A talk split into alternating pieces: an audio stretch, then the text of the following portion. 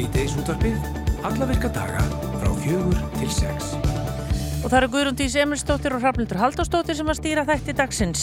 Já, þetta er fyrsti þáttur uh, þessa sumars og uh, allan verður ekki svolítið litaður af því og líka því að það er förstu dagur. Uh, við rákum augun í hugleðingar um stekjanir inn á Instagram síðu kallmennskunnar en þar var sjónum beint að þeirri skrítnu hefð að meiða á niðurlega vinsinn sem er að fara að gifta sig. Og þetta sé arleði skadleira kallmennsku sem að virðist ennþá dag í dag að lifa góðu lífi í stekjunum. Þorstedt Vaff Einarsson, hlaðastjórnandi og fyrirlesari kallmennskunar, hann þarf að koma til okkar og ræða þessi mál við okkur hér á eftir. Já, hvernig færi maður þá flugu í höfuð að búa til Sinnepp? Það veit Svafa Guðmustóttir því hún gerði slíkt og nú framleiður hún Sinnepp undir sínu eigin nafni Svafa Sinnepp. Það er um að ræða þarna Íslenskt matarhandverk sem að grunni til er byggt á sænskri Sinneps hefð og öll framleyslan fer fram í Kópavóinum. Við viljum að heyra meira af þessu ævintýri þættinum í dag.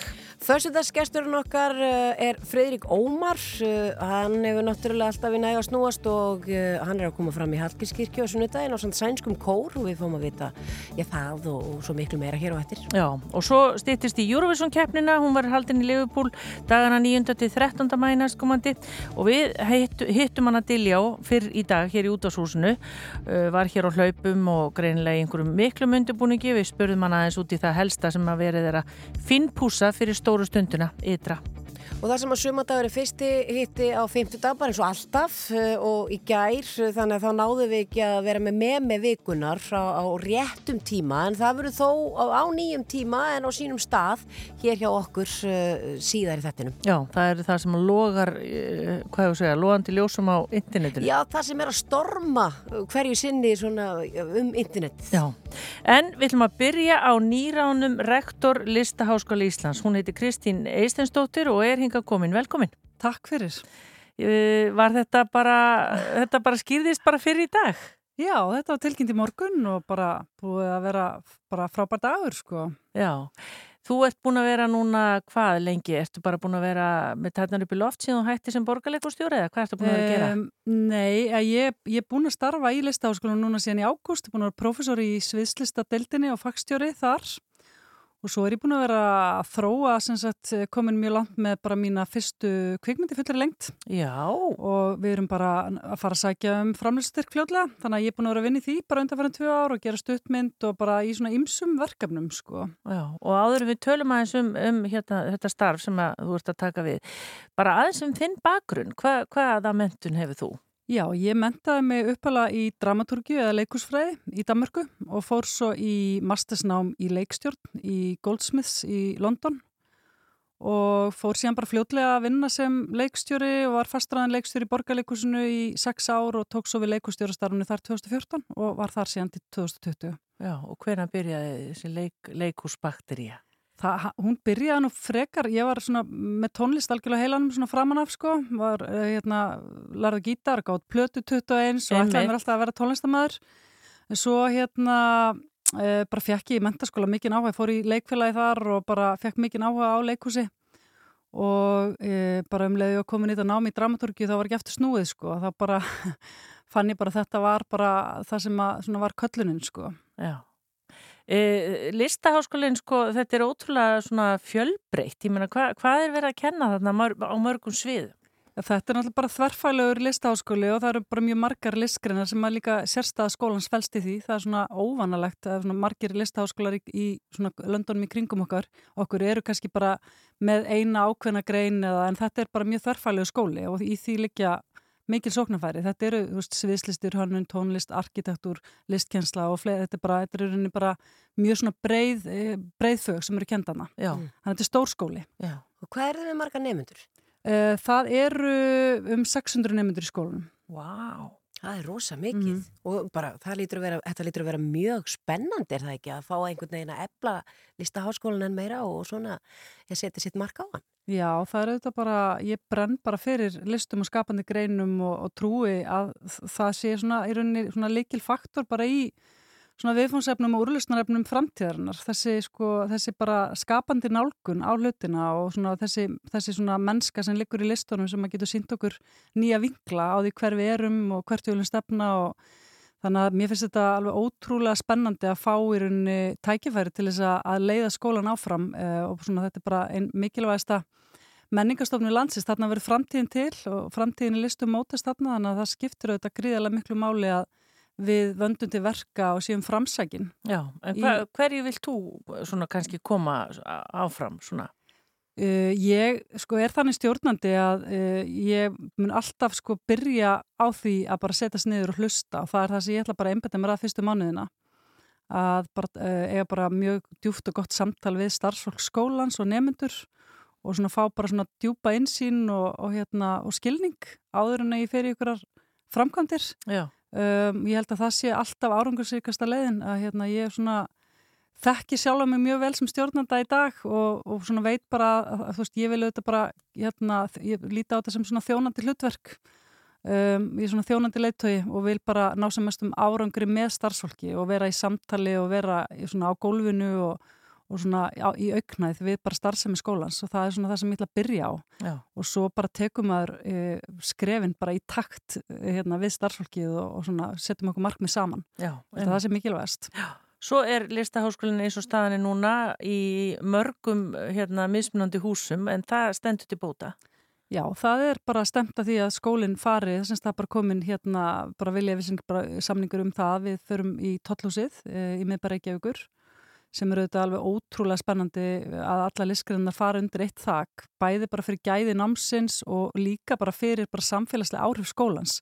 Hvað þýðir það fyrir okkur að vera með listaháskóla í miðborg Reykjavíkur sem er bara söðupottur sem að almenningur sko, það eru síningar í gangi og þú veist það verður bara til mjög svona stór samfélagslega áhrif af því þannig að það eru auðvitað bara örglega bara stærsta verkefni eh, rektors að, að leiða það starf áfram bara í góðri samvinnu við stjórnvöld og stjórn og, og hérna allt starfsfólk og nefndir skólans. Já, þá líka 600 því að skapandi einstaklinga þarna eins og segir í miðbæin, mm -hmm. bara dagstaglega, mm -hmm. þetta, er, þetta er alveg æðislegt. Mm -hmm. Og heldur að það náist á þínum fimm árum sem þú ert ráðin til svona til að byrja með? Uh, já, ég bara auðvitað, ég er mjög svona árangustrifin, þannig að ég auðvitað stefni að því að, hérna, að bara hrinda þessi framkvæmt og, en það er auðvitað svona vennja fyrir því að rektor að starfi í tíu ár. Ef að, ef að vel gengur þá er endur neðu önnu fimm ár. Já.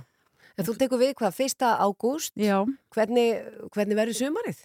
Herðu, ég bara er að stefna bara á sumafrí með drengjunum mínum í júni, við ætlum að fara til Sitges og hérna, ég ætla bara að njóta sumasins og, og hérna Og ekkert endilega setja þið mikið inn í nýja starfið Nei, auðvitað, auðvitað, þú veist, er hau, hausin á fullu og maður er í alls konar pælingum en, en ég ætla bara að njóta, njóta sumasins og, og svo bara fara alveg fullum krafti inn í starfið þegar ég tek við. Hlaða batterín. Algjörlega. Já. En í dag, Kristín, hvernig ætlar að fagna í dag? Heyrðu, ég ætla bara að fá svona nánustu vinni og fjölskyldu í smá skáli kvöldheimi á mér og hérna bara, já, það er svona planið sko. Já, lengra eftir ekki komin. Nei. Nei. Til hamingi með þetta, Kristín Eistensdóttir, nýraðin rektor Listaháskóla Íslands og mig gruna nú að þetta verði ekki fyrsta viðtalið við þig í því starfi. Það verður öruglega fleiri hér í síðdeisutórnum. Til hamingi enn og aftur. Takk fyrir.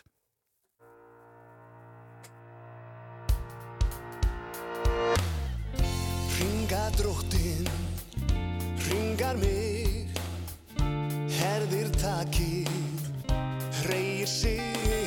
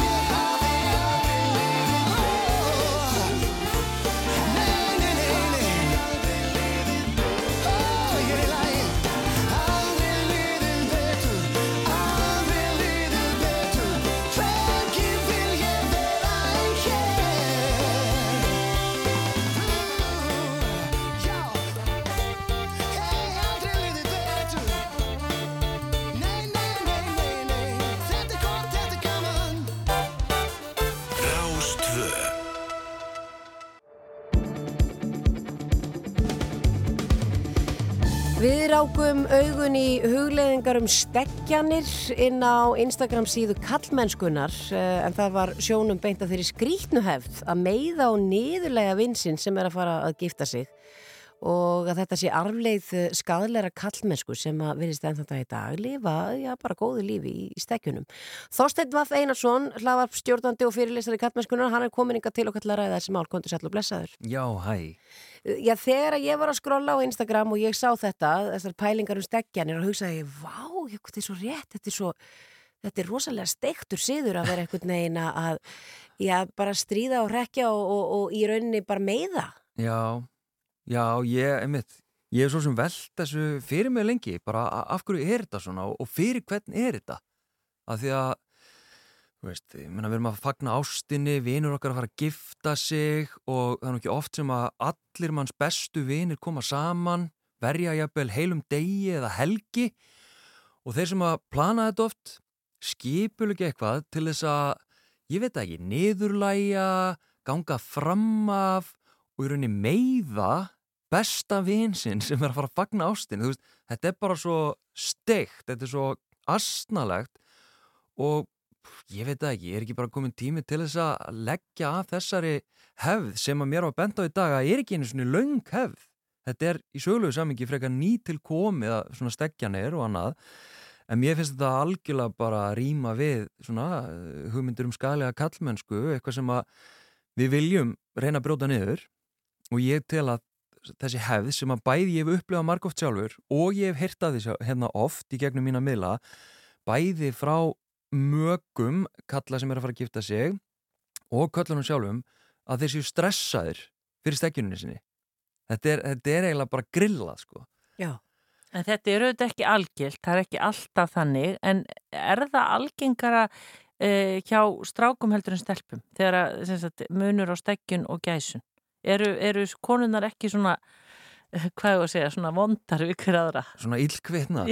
Um, sko, þetta er náttúrulega ekki rannsók sem ég er að tala um. Nei. Þetta eru vangaveltur, þetta eru pælingar og ég er að setja þetta í samingi og ég held að við könnum stöll við þetta. Ég meina allan að vinkunum mína sem hafa farið í það sem að kalla skæsanir það eru sjaldnast með ja, svona, hvað ég að segja, brútal hérna, viðburði, dundra í vinkunni sína með einhverju paintballkúlum eða ég veit ekki hvað. Binda við staur, ég heyrði það einhvern tímann Já. í bleikum Ég, mér finnst það ekki jafn algengt en auðvitað hef ég líka heyrt um einhverja niðurlæðingar þar sem einhver vinkunan var skilin eftir hérna, og hætti bara að retta sér nýri bæ eða eitthvað á meðan vinkunan er held áfram að djamma.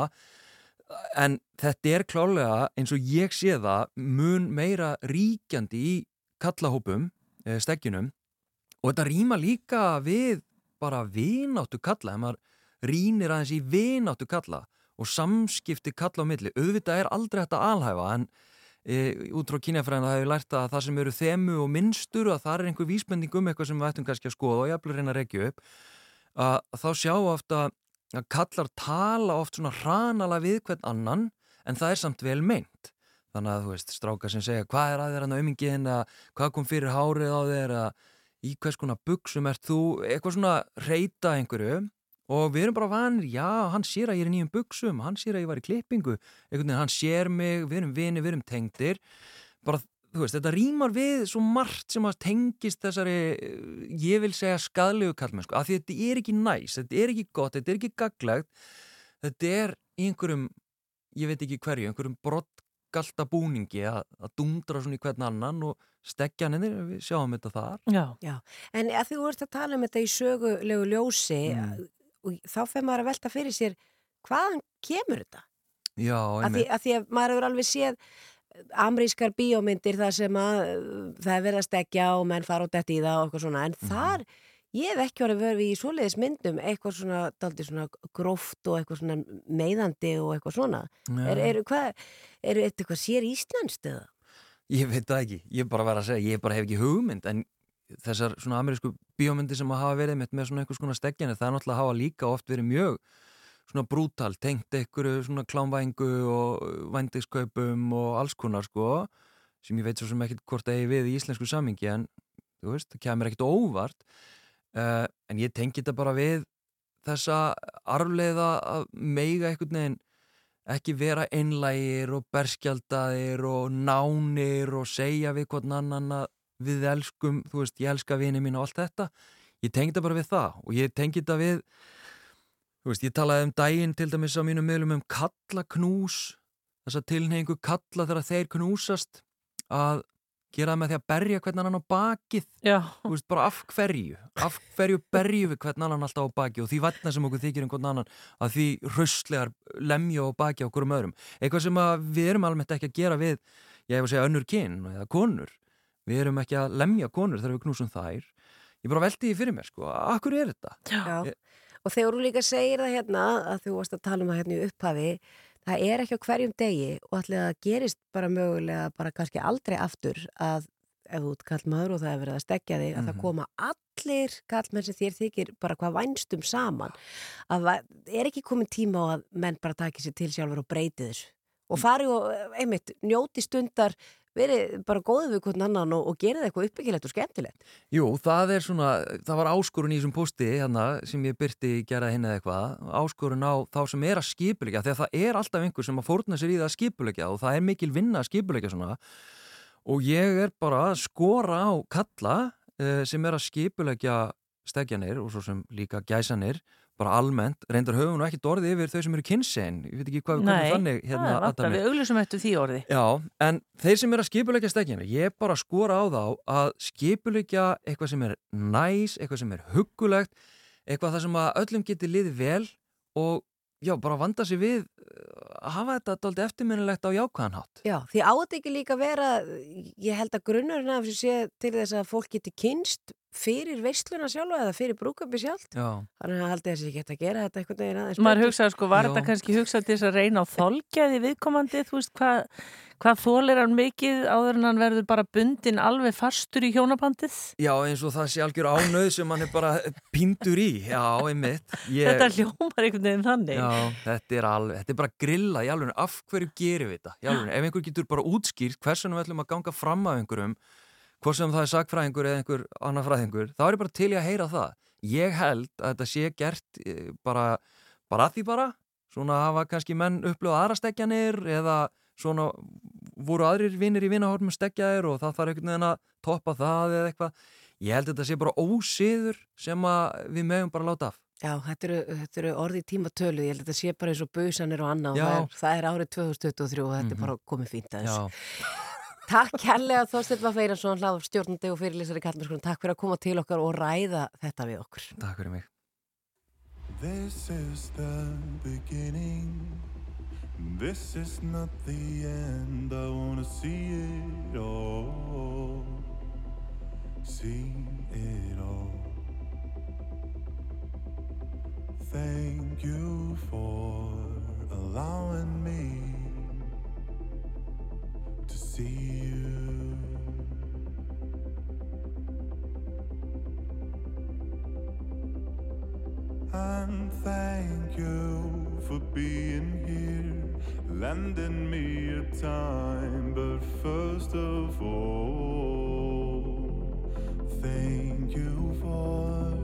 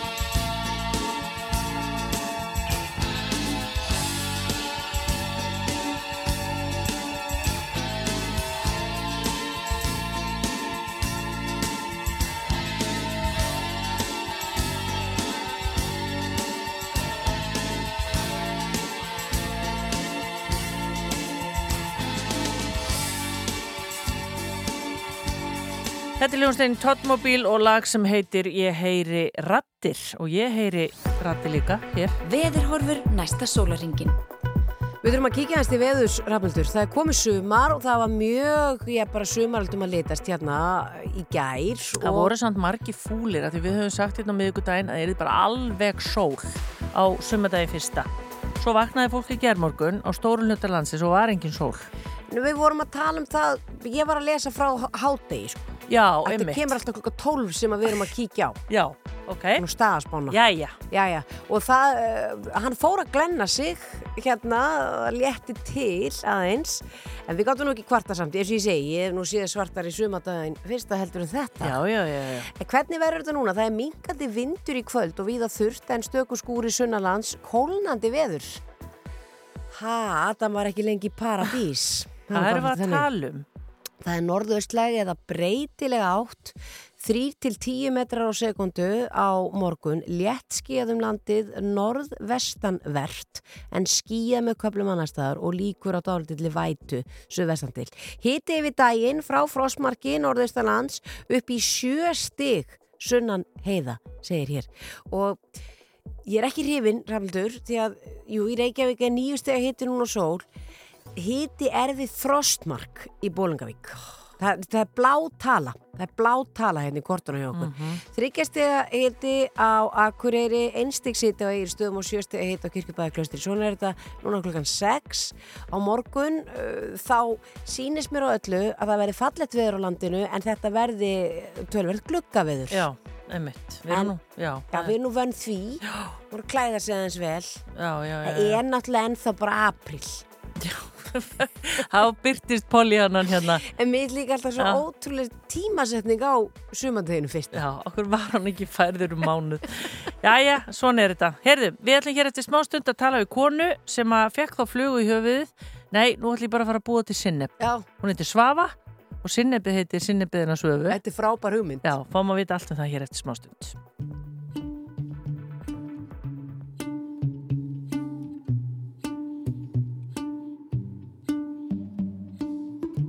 It's a bad idea, but how can I help myself? Been inside for most this year, and I thought a few drinks they might help. It's been a while, my dear, dealing with the cards life dealt. I'm still holding back these tears.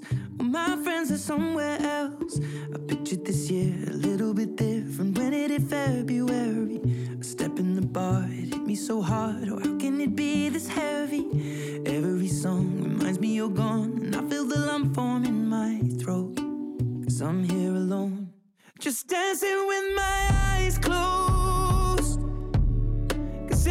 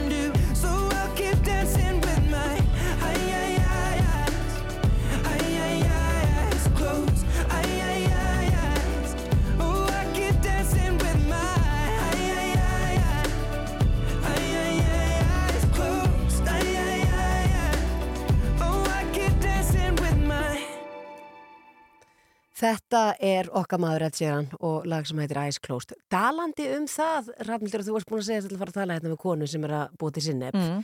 og þegar vorum að tala um stekjanir. Ég fór til útlandandaginn.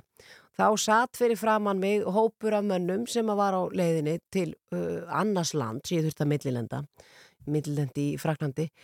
Þar var stekkurinn Þeir voru nú bara góði við hann og allt í, allt í góðu, en það var mikið fjör í þessu stekjapartí. Já. Hann var klættur í búning sem var sinneb. Nei! Jú, þetta var bara því þetta er svona tenging. Hann var sagt bara sinnebs brúsi. Já, já, Já. sinneps brúsi, já, og þetta hefur verið svona af stærri gerðinni fyrst að var að vera að fljúa þetta á milli landa. Já, þeir að vera, voru að skella sér hérna í borgarferð greinlega. Já, gaman að þessu. En þannig að mér fannst það nú vera svona meira trít heldur en að vera einhvern veginn að pínan. Já, og þetta er einmitt tenging inn í næsta viðtal sem á einmitt að fjalla um Sinneb og hún er komin að fjekk hvenar þá flugu í höfuðið að búa til Sinneb. Ertu velkomin? Eh, Ég fekk þessa hugmynd þegar ég flutti heim frá Svíþjóð, svona í kringum 85-86. Búa þeir til betra Sinneb en... Þeir búa til skánst sinneb. Það er pínti sætt og pínti stert og það var ekki til hérna. Nú. Og hérna að þetta var sinneb sem ég nota á sænsku jólaskinkuna og hamburgaríkin. Svo ég fór að f- lærði að gera uh, sinneb í, í sænsku apoteki. Það var þetta gert fyrir jólinn, ég er lifjafræðingur. Í apoteki? Já, sinneb er krydd. Já. Og, og, og notaði sinnebsbakstra í gamla daga. Já.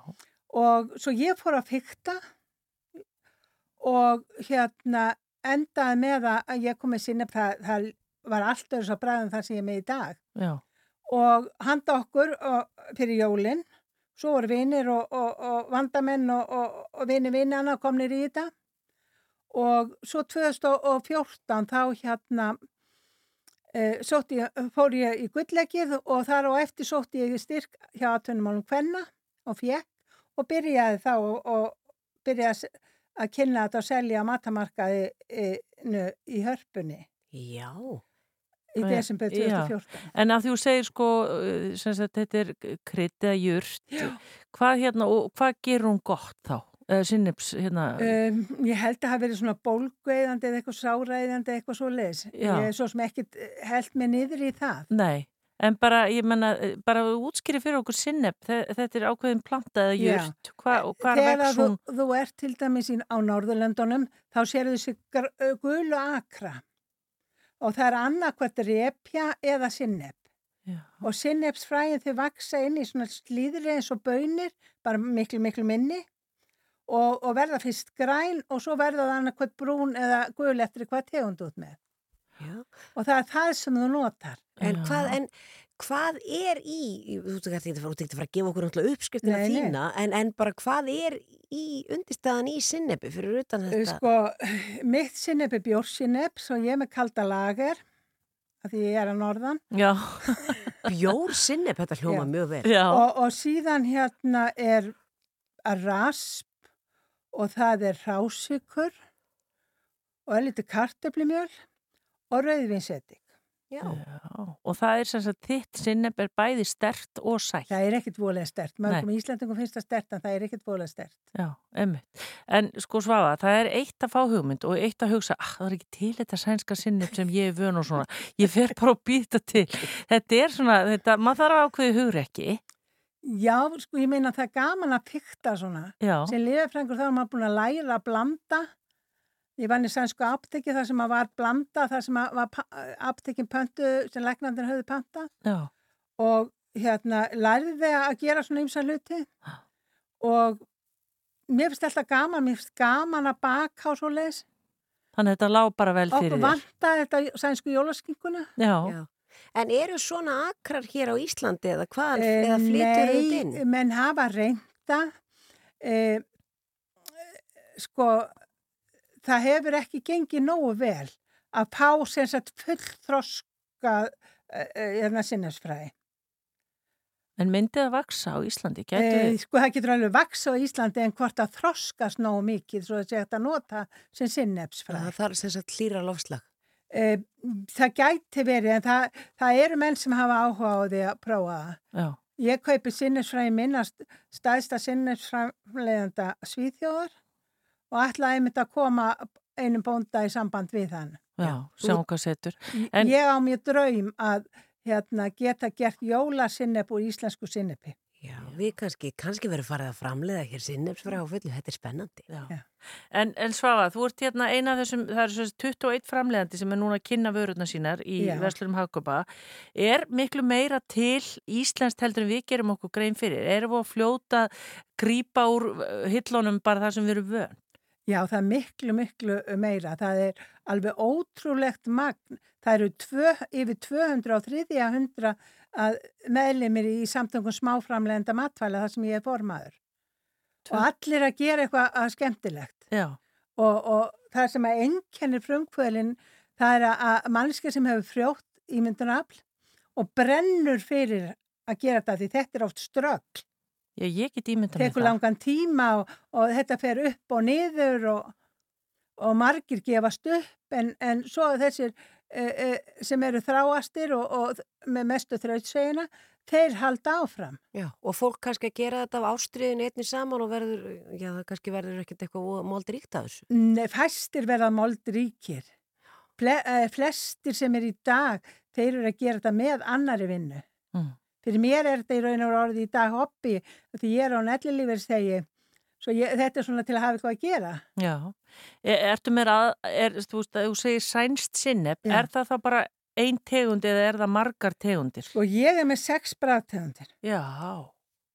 Ég er með grunnsinneppi sem er líkist þessu skánska, svo er ég búin að bæta aðarblábærum að blóðbergi, uh, kúmen og ákavíti, flóka viski, íslenska viskinu, lakrís og rababara. Hættu nú Maður alveg. Maður fæ nú bara vatn í munnin.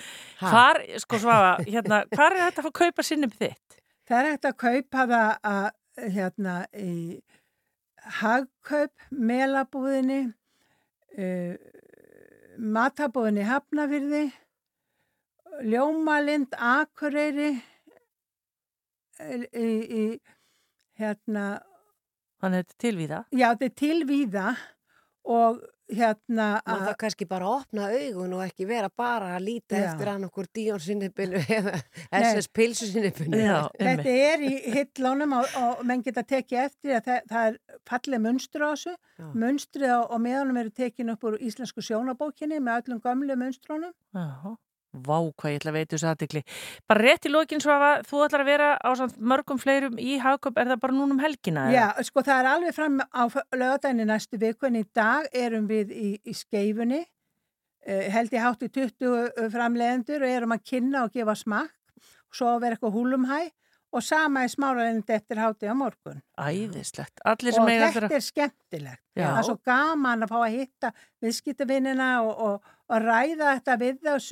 Sumum finnst sinni vond og öðrum finnst það gott eins og ég segi það er gott við hefum ekki sama smekkall. Nei. En þetta er ótrúlega spennandi og ég segi bara til hamingi með þetta svafa, takk fyrir komuna og allir sem hefur eftir að fara í búð, það er þá allavega skeifan í dag, hagkaup smára torki á morgun eða smára lind, smára lind. Smára lind. Yeah og hérna vekja aðtikli á þessum uh, smá framleðendum sem Já, er að kynna. Já, fá svona matamarkasfíling. Já. Það er alltaf æðislegt. Ég Ta takka fyrir mig. Já, takk fyrir komina í sítið svaga. Gangið vel.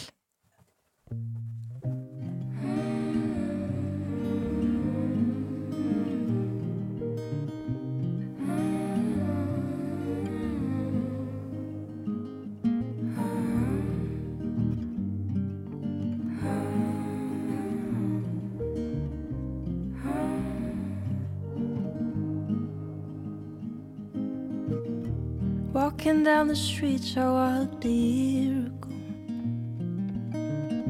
The orange got the gray house and the corner store. I wish I would have done it in a different way. Without always hoping for another day. Waking up is getting harder than it did before. Dishes from yesterday and all my clothes are on the floor. But I'm starting to miss you more with every time.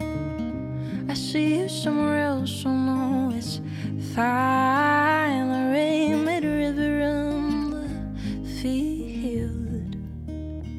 Just killing snails with a stick and points them at me, running through the field.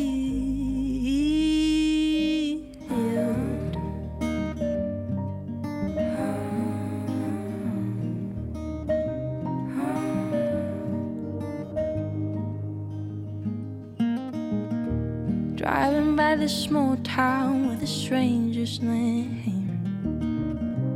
Good hope and a little bit of mild shit.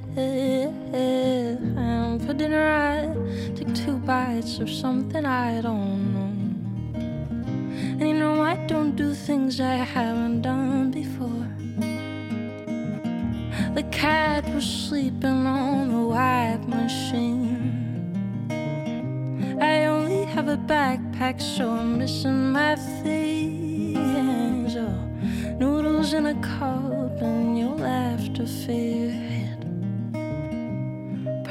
together when we're stuck like this. The rain a in the field, just killing the snails with a stick, then points them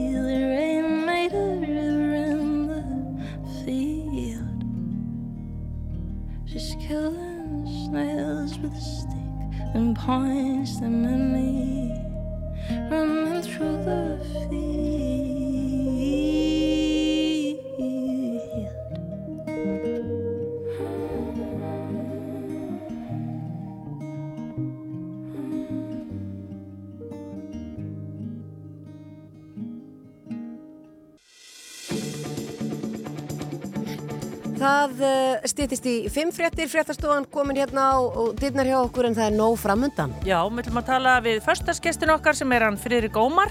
Hann er að, með margt í bígerð meðal annars ætla hann að fara að syngja með sænskum kór. Já. Meirið þá eftir. Já. Svo er það mýmið og hitt og þetta. Og diljó. Já.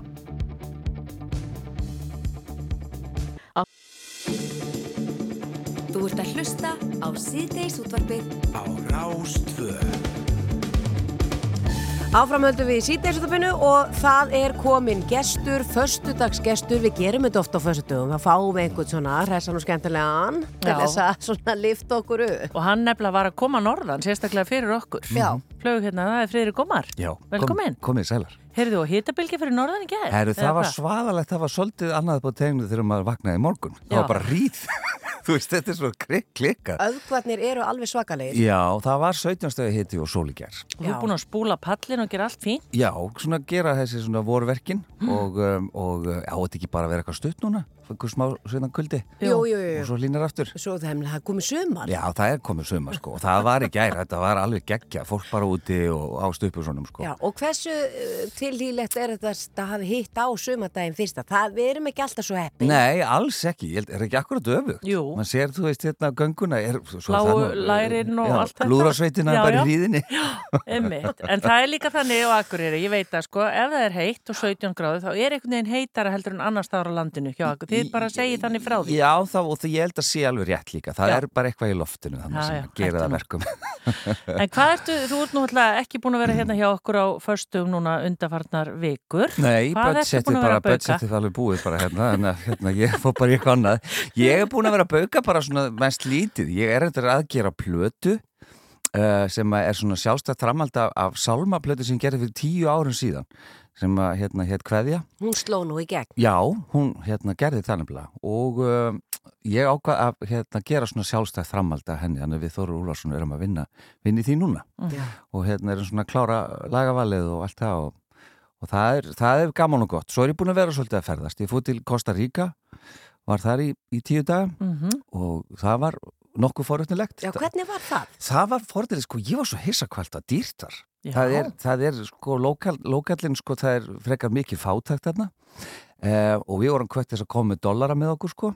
Og uh, þeir virðast sko einhvern veginn sko að ert með dollara þá kostar allt miklu, miklu meira, um, og já, það var svolítið það sem komur óvart. Annars vorum við inn í svona við vorum eiginlega svona lokuð inn í, í, í svona hverfi, svona þetta var svona Four, hérna, four Seasons Hotel keðinni var svona, hann er að maður var ekkert svo mikið hérna að, uh, mingla við, við uh, heimamannin sko En hittast þið á þessum já, tíma? Já, 32, 3 gráður já. Og allt voða reynd og fínt þarna, ekki? Jú, það sem að þetta, sérstaklega í þessu þetta er svolítið svona verið að búa til svona, þetta er svona eins og komið til Dubai Já. Skilur þetta svona gerfi Tilbúin veröld Já, svolítið, það sem að við vorum En hérna, en uh, jú, það er nú það er nú svolítið mikil fátækt þarna líka Man tók Sástu eftir því. apa eða Já, eitthvað? já, Já, já. þetta er, já, já, þetta er bara allt eins og það á að vera sko. Dásanlegt, þetta gerur þú svolítið svona í janúar eftir alla törnina eða eh, svona eftir áramót Já, þetta var að því að jóli voru náttúrulega stíf sko, mjög stíf og uh, maður pompaði svolítið niður núna. Já, er það ekki Jú, tilfellið? jú, þetta er svo skrítið sko að vera og klikkað, að vera í þessu jobbi sko að halda, þú veist, einhverja 20 tónleika á þreim vikum og það er svo leiðist, dundrandi lóa klappa maður, klappa þessu, klappa fyrir manni Já. allt sem maður gerir. Já. Svo bara er maður allt í henni bara heima einn að, horfa á Netflix og það er enginn að klappa fyrir manni. Já, og ditt úti og... Já, þú veist og það er sko ég held ég væri búin að læra þetta sko, þú veist ég er búin að gera þetta mörg ár en ég var alveg svolítið sko, það var bara svolítið trikki hjá svona janúar og februar núna í ár. Bara heiðalegu með þetta? Já, ég er bara mjög heiðlega með það. Það var hérna, ég bara einhvern veginn svona, já, eh, ég var svolítið, svolítið vittlust eins og að segja, ég hef alltaf farið og ferðast á þessum tíma og farið í byrtuna og, en ég var bara heima núna og það var ekki snið. Þú gerir það aldrei Ég aftur. gerir það aldrei aftur. Nei, en þetta er náttúrulega eins og þú segir, að því janúar, februar kannski svona svolítið aðeins í næstu törn hjá þér. Þú veist Já. að þetta er svona döðu tími. Já, síðan. Já það er en, málið. En núna með hækkandi sól, sko, það þetta er alltaf að fara á flug. Já, ég, þetta er bara, og það, búið, var, það var dásanlegt núna fyrir norðan, sko, þú veist, það bara sumari er komið. Já. Það var smá bakslæði morgun, já. en það er að koma. Nú maður komið með svona fyriringinni, finna landsmenn, eru það alveg, sko. Já. Þannig að það er, við erum búin að tala þá um plötuna sem þú ert að búa til og svo fórstu til Costa Rica. Jú, jú. Nú, það er sænskur kór á leiðinni bara til að hitta þig, eða hvað? Já, sko, þetta er sænskur kór sem hann er með félagmennan Gabriel Foss. Gabriel Foss er, er sænskur popsöngari sem að, hérna, fór meðal hans fyrir hans við 97 Uh, í bandi og þeir voru þrýr strákar æðislega sætir, sænskir ljósarir, allir náttúrulega. Í Eurovision? Já, já, uh, bara hún elskar mig heit lægið Nú, vá. og uh, svo var hann bakgröð hjá Charlotte Perrelli þegar hún uh, sigraði uh, Selmu. Já. og stóð hann þar sko. Og uh, hann sérst að stopnar þennan kór sem heitir Happy Voices sem er stærsti kór í Svíþjóð. Þetta eru sko alla jafna svona kannski um 300 manns í kórnum. Wow.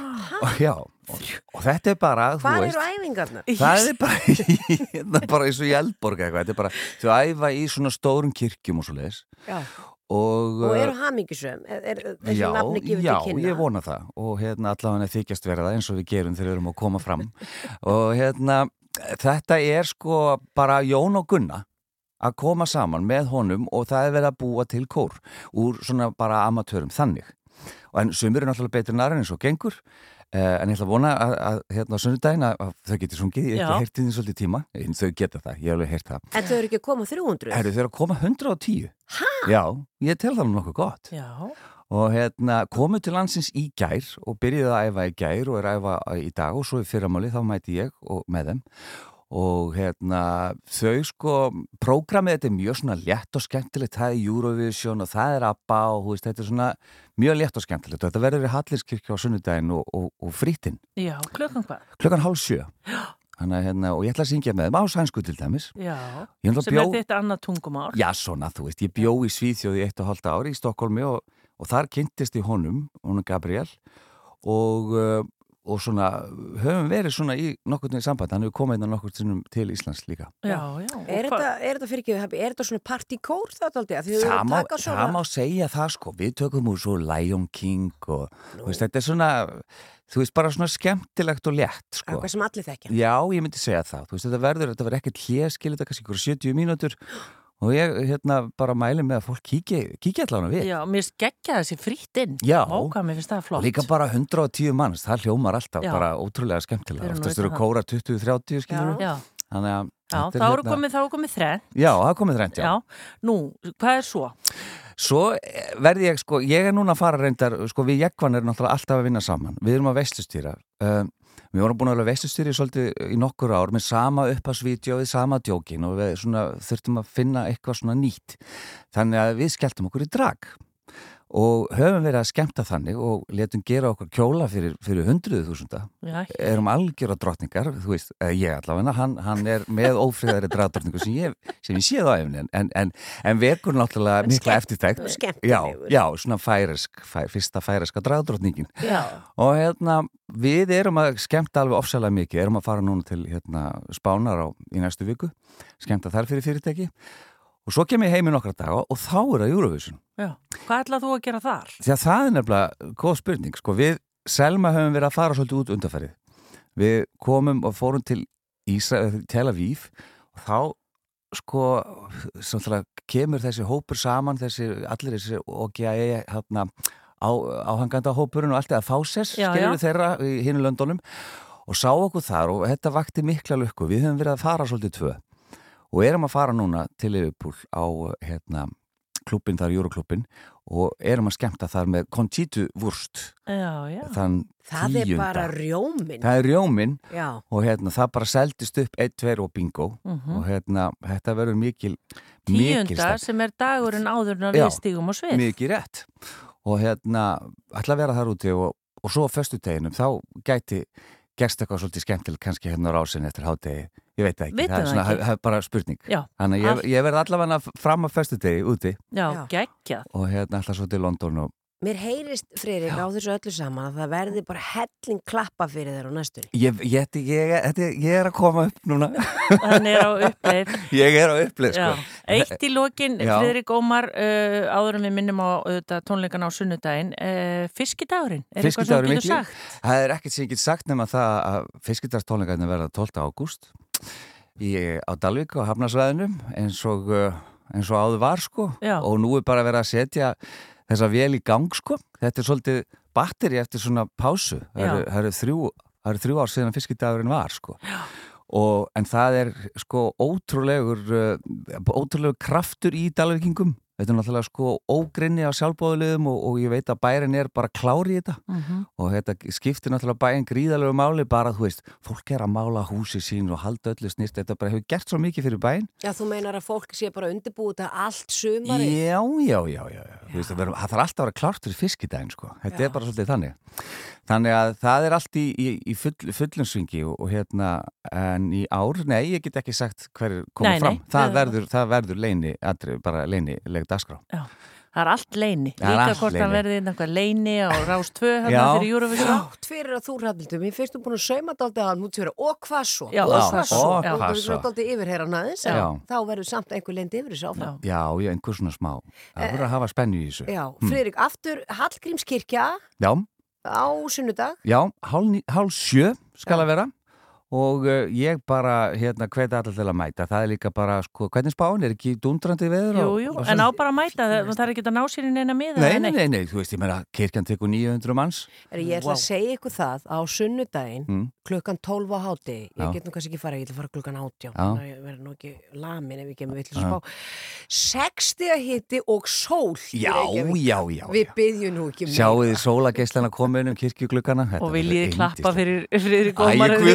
ég færni í kirkjun. Farin ekki í þunglindi Takk fyrir komuna Friðrik Ómar, við ætlum að heyra ykkur tvo syngja, þig og, og Jekvan og eru þið eitthvað að fara með húsbíl eitthvað? Nei, ég fekk algjörst ókið á, hérna. Já, að vera með jakkan í húsbíl í sló- heilt sumar þetta sló í gegn Já, maður gerir ekki allt fyrir peningana. Það er bara, þú veist, ég varð að stoppa einhver staðar Ha. setu mörk hérna Já. Ég elska vinn minn, að búa með hann er ekki hægt Sendi konu, konu að skoða hvað er. Friðrik Ómar, takk fyrir komuna, góða skemmtun á sunnudaginu og í öllum þínu verkefnum framöndan Takk. og bara gangið vel. Takk hella.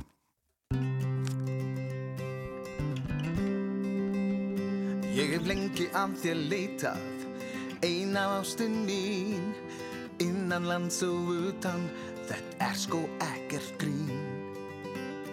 Bóðu gull og græna skóa, geggjuð æfintýr, kabelag með blæju og hinn ímsu gælu dýr. Kanski finn ég ástina í búðadal Kanski detti lukkupottin í Fellir hún án fótum ég Draumandi í sinn en og ég Í huga mínum verður alla tí Kanski finn ég ástina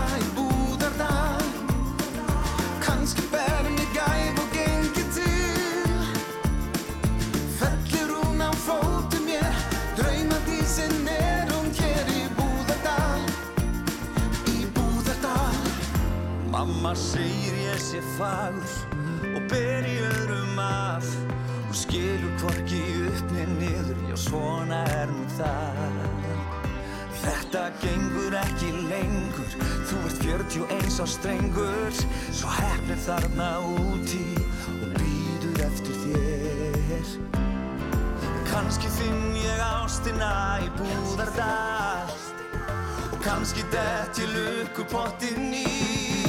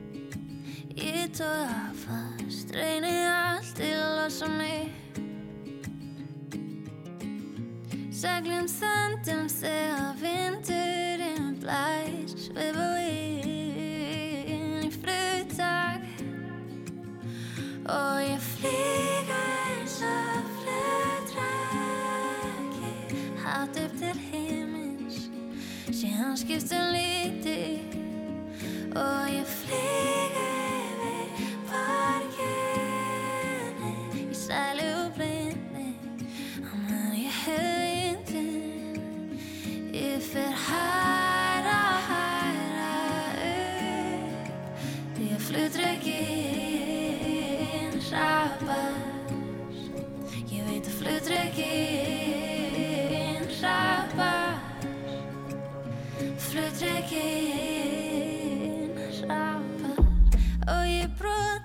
hálsinu Leita til þín. Þú vilt drekan í loftinu. Hvar er neistinn sem þú hafðir í gær? Hvar er ljósið? Fá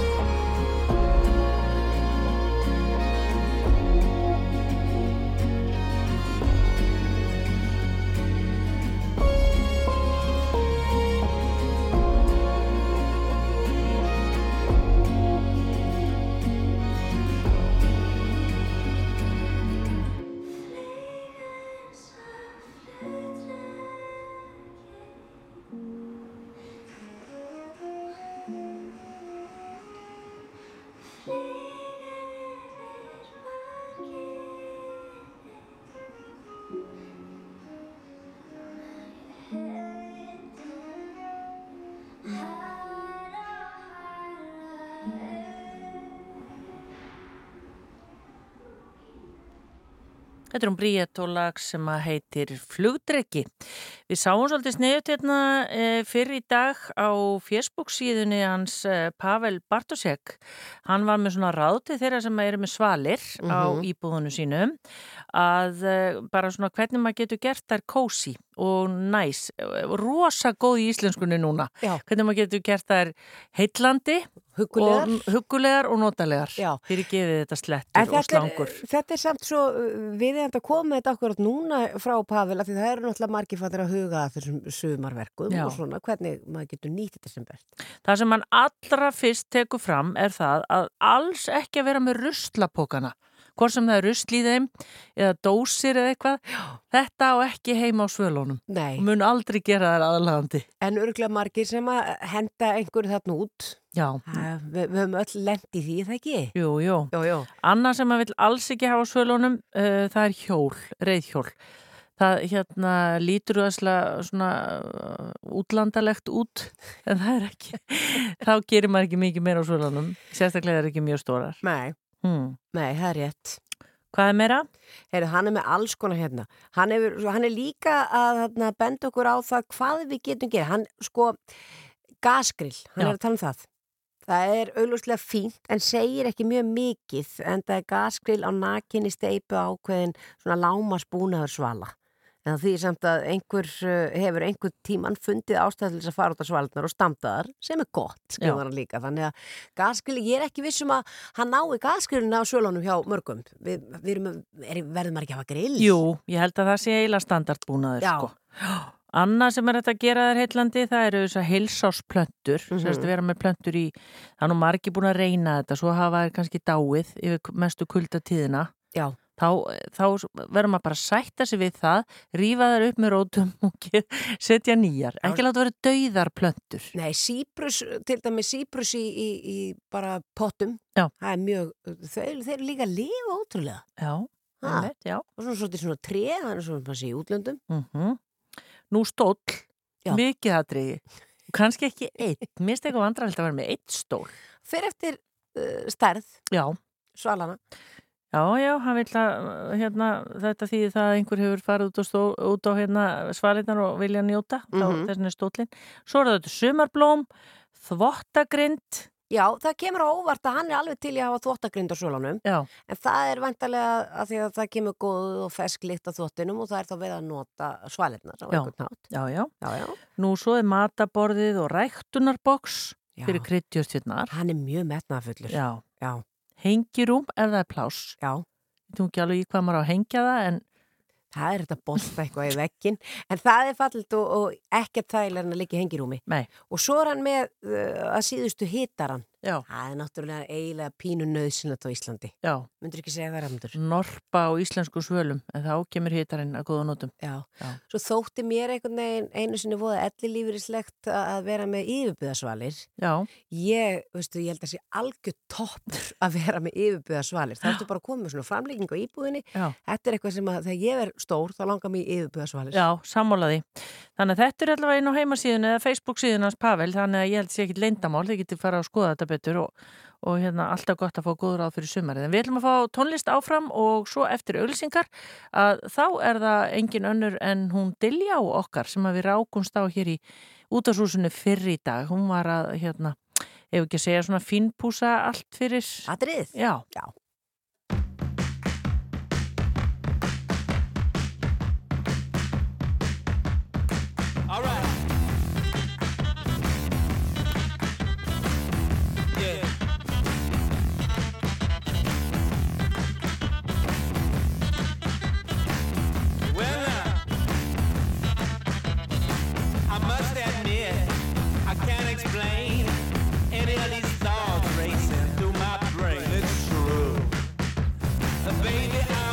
Sýtiðis út af beðan alltaf allstaðar sko. Ég var svo heppin hérna í útashúsinu hérna neðri hæðin og þá hitti ég hana Dilja okkar sem er auðvitað á leiðinni til Liverpool og það er kannski rétt að spyrja, hvað er nú? Er verið að fínpúsa öll atriði núna? Já, algjörlega. Við erum bara svona, svona seinustu púslin eru að, er að raða sér upp á réttan stað. Já. Það er alltaf að koma. Bara fyrir sko, þá sem ekki þekkja, er, er einhverju breytt frá atriðinu sem við sáum hér heima í söngakefni? Já, þetta er náttúrulega bara tíu sinnum starra svið og stær, meiri möguleikar þannig að við erum að nýta okkur það og bara gera þetta stærra og núna, já, í rauninni það sko aðalega Já. gera þetta bara meira grand En lægið sjálft og laglínunar og svona, það er halda sér. Það er halda sér nokkurn veginn, já. já. Fötin, það má ekkert spyrja um það. Nei, það er smá, það kemur, það er smá surprise, sko. Já. Hvenar, hvenar fáum að vita það? Ég er ekki alveg, ég get ekki svarað þessu. Nei. Ekki. Þú veist það ekki sjálf? Nei. Nei. En svo gerir þið myndband, er það ekki? Er það, er það löngu tilbúið eða hvað? Myndband? Já, sem að flýgur út um allan heim. Er ekki, þau eru ekki lög, lögunum að fylgja myndband eða hvernig er það? Nei, við gerum ekki tónlistamindna. Nei. Það bara er, uh, það gafst ekki beint, hvað segir maður, það tekur mikinn tíma og það er mikil vinna og það var bara ekki, það var ekki möguleiki í ár að gera það. Nei, einmitt. Þið farið út fyrsta mæ og maður spyr sko, ertu búin að gera eitthvað síðan og sigraðir söngvakefna þá meina ég eitthvað annað? Ég er búin að vera að fara mikið í pre-parties, uh, Eurovision pre-parties uh, með RÚF teimi og hérna við erum að kynna atriðið og ég er bara að verða pínu sjóaðar í að að svara viðtölum á, á ennsku og svona. Uh, þannig að það er búið að vera mikið, búin að fara núna til fjagra landa og svo er ég bara búin að vera undirbúa að fara á æfingar með Lý sem er hérna Dans? Já, Já, akkurat. Og bara halda, halda mér í sem bestu ástandi. Einmitt. Og hérna, þú ætlar að vinna, er það ekki? Jú, Þú algjörlega. er búin að ákveða það. Já.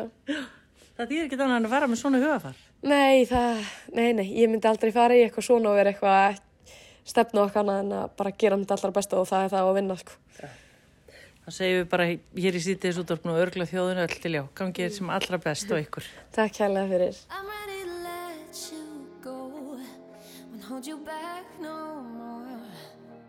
And God spread your wings and fly away. And carrying you way too long, like an obsession. I thought you were a living part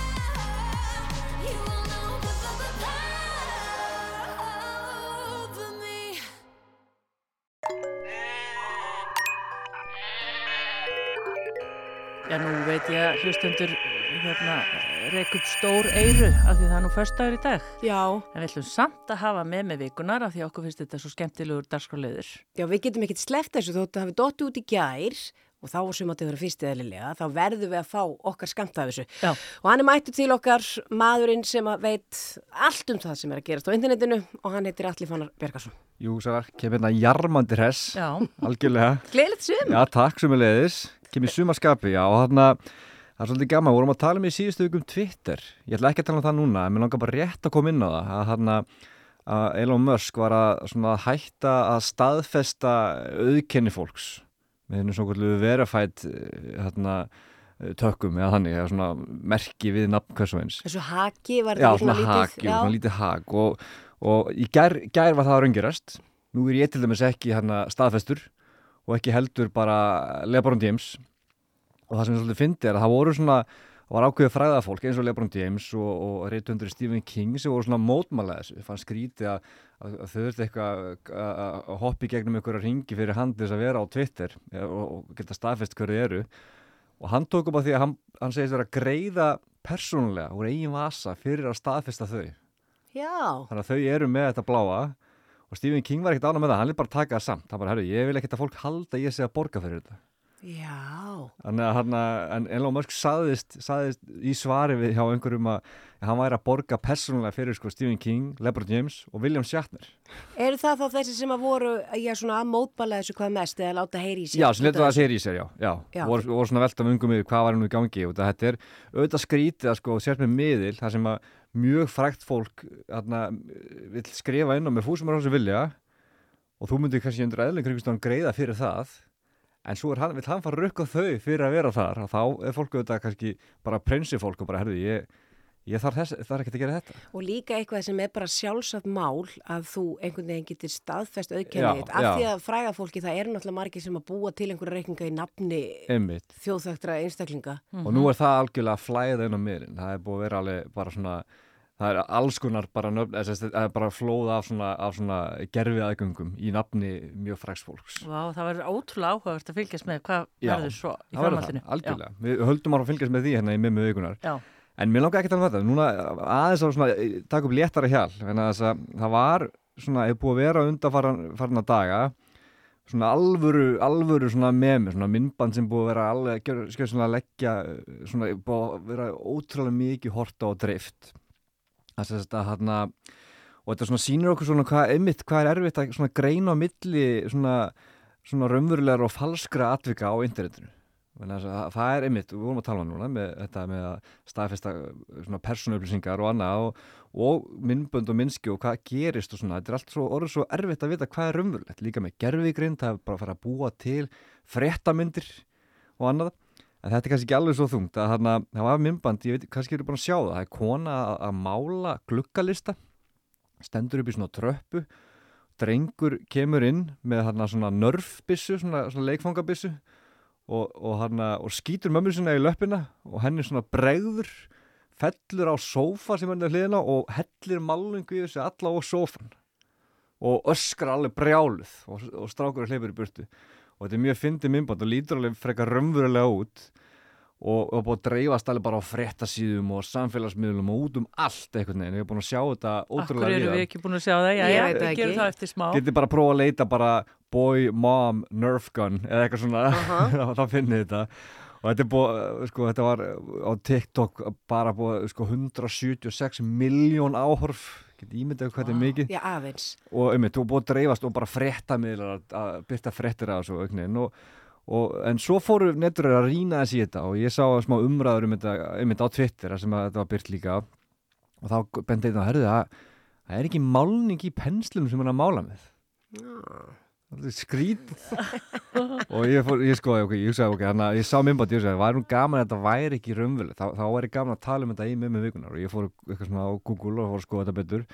Og þá kemur í ljós að þetta er bara eitthvað svona fjölskylda sem ég, ég hef aldrei skoðað aðganga þessari fjölskyldu sem að er að búa til svona gerfi aðstæður og gerfi atvik í þenn tilgangi að þetta fari bara eh, og hann að náði svona einhverju net ofurdreifingu og það, þetta var algjörð til ekki þá þannig að þetta er, þetta er, þetta er, þetta er sett upp bara til, þess- til þess eins. Þannig að hún heldur á pensli og, og, og er með, já, er með málingu í, í svona einhverju fötu. Já. og hann að þetta lítur mér raunverulega út og hún dettur samt og hellir sko yfir andliti á sem alveg, uff, bara hvað þetta er- hefur bara verið hættulegt að fá þetta í augun og eitthvað. En þá hefur þetta greina verið bara verið bara einhver jafningur, ég veit það ekki sem hún, sem hún hefur bara undirbúið þetta. Og þetta er þetta ekkert sko En hvað, allir ég oft veldi fyrir mér, af því að það er fullt af fólki að gera svona Já, fyrir internetið, einmitt. eitthvað til. Hvað græða þau á þessu? Já, þau, ég mynd, þau geta einmitt alveg grætt á þessu, en það er alveg, sko, ég veit ekki alveg hvernig það er með TikTok, en ég, þau hljóta að vera komin á sama að- eins og bara YouTube og Facebook og aðrir og held ég bara, já, flesti svona þessi stóru samfélagsmiðlar eru fann að greiða fyrir, sko, eh, alveg per áhorf. Þannig að þú veist, ef þú fær nær myndbandi sem nær alveg, mjög mikill útbreyslu, að þá áttalega geta haft svolítið gott upp úr því, og þegar náttúrulega miðlarnir eru að selja auðlýsingar um þetta, og þeir gerðu það alltaf en svo fóru fólk sem fóru að búa til myndböndur að gaggrinlega miðluna fyrir að deila ekki með sér auðvitað tekjunum og þeir eru byrjar á því. En það er samt alveg þannig að þú þarft að ná alveg mjög mikið útbreyslu til þess að fá eitthvað út úr því. Og það er alveg hægt. Annars vegar bara þannig í þannig að þeir greiðaði bara út með 100 miljón áhorf þá bara geta þeir greitt samkvæm því. Og svo að þú ert með einhvern svona miðl eins og með dettur í þessi fjölskylda hún verðist kunna þetta að hann að búa til myndbönd sem ná útbreyslu að þá getur við líka þetta að fara að koma fyrir auglýsingum í myndbandinu.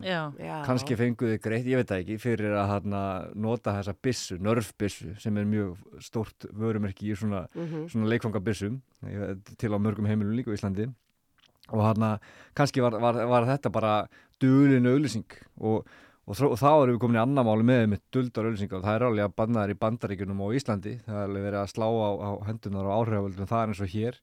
Þannig að en, þetta er alveg hægt sko, að, hana, að hafa svolítið gott upp úr sérstaklega og nærð svona svakalega útbreyslu og nærð svolítið nærð að plata fólk. Það, voru mjög margir og ég, ég sá þetta fyrst að hugsa ekkert, ég horfði þetta bara, wow, þetta er svakalega maður. Svo svona, maður þarf svolítið að rýna í hlutina til þess að svona fatta að þetta sé kannski ekki alvöru sko. Já. Gunnar, við erum bara strax núna að fara að googla þetta og finna þetta. við verðum að finna þetta og skoða þetta. Já, ég hveit líka hlustum til að gera það Og Þetta svo er- einmitt já, líka hvetja hlustundur til þess að sína bara gaggrina hugsun í öllu þessu svona. Algjörlega, með, sko, nú, við erum, lifum á tíma sem við verðum eiginlega að, að, sko, að taka öllu veginn með ögna saltið sko, þannig að öllu sem við sjáum bara hvort það sem eru myndir eða, eða myndbrót eða hvað sem er sko. Mm Alli Fannar Bjarkarsson, takk fyrir kærlega fyrir þetta með með vikunar og við verðum hér aftur uh, með þig uh, næsta Já, fimmtudag. Á fymti, já, einmitt